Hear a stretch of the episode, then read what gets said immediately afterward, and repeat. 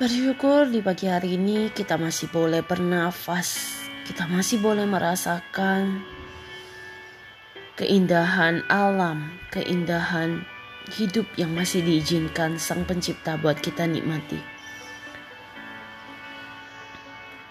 Kadang hidup yang kita jalani mungkin tidak semua atau serta-merta di dalam keadaan yang baik. Namun bukan berarti kita hidup menyerah,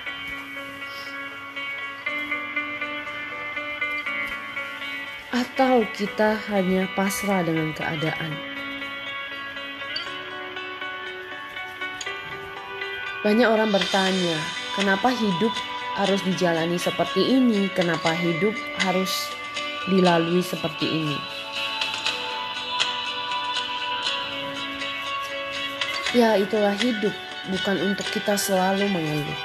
Di saat kita pasti akan bisa mengalami titik terendah kita, mengalami ketidakmampuan kita mengalami hal-hal yang negatif di luar pemikiran kita.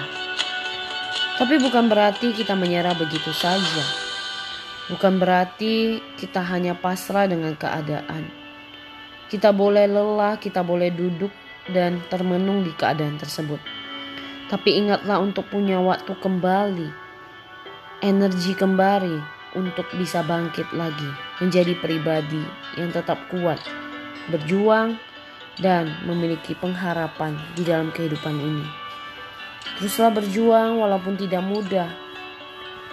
Tidak bisa kita selalu menyenangkan orang lain, tapi tapi jadilah diri sendiri yang bisa menghargai diri Anda, mencintai diri Anda, dan jadilah diri Anda sendiri.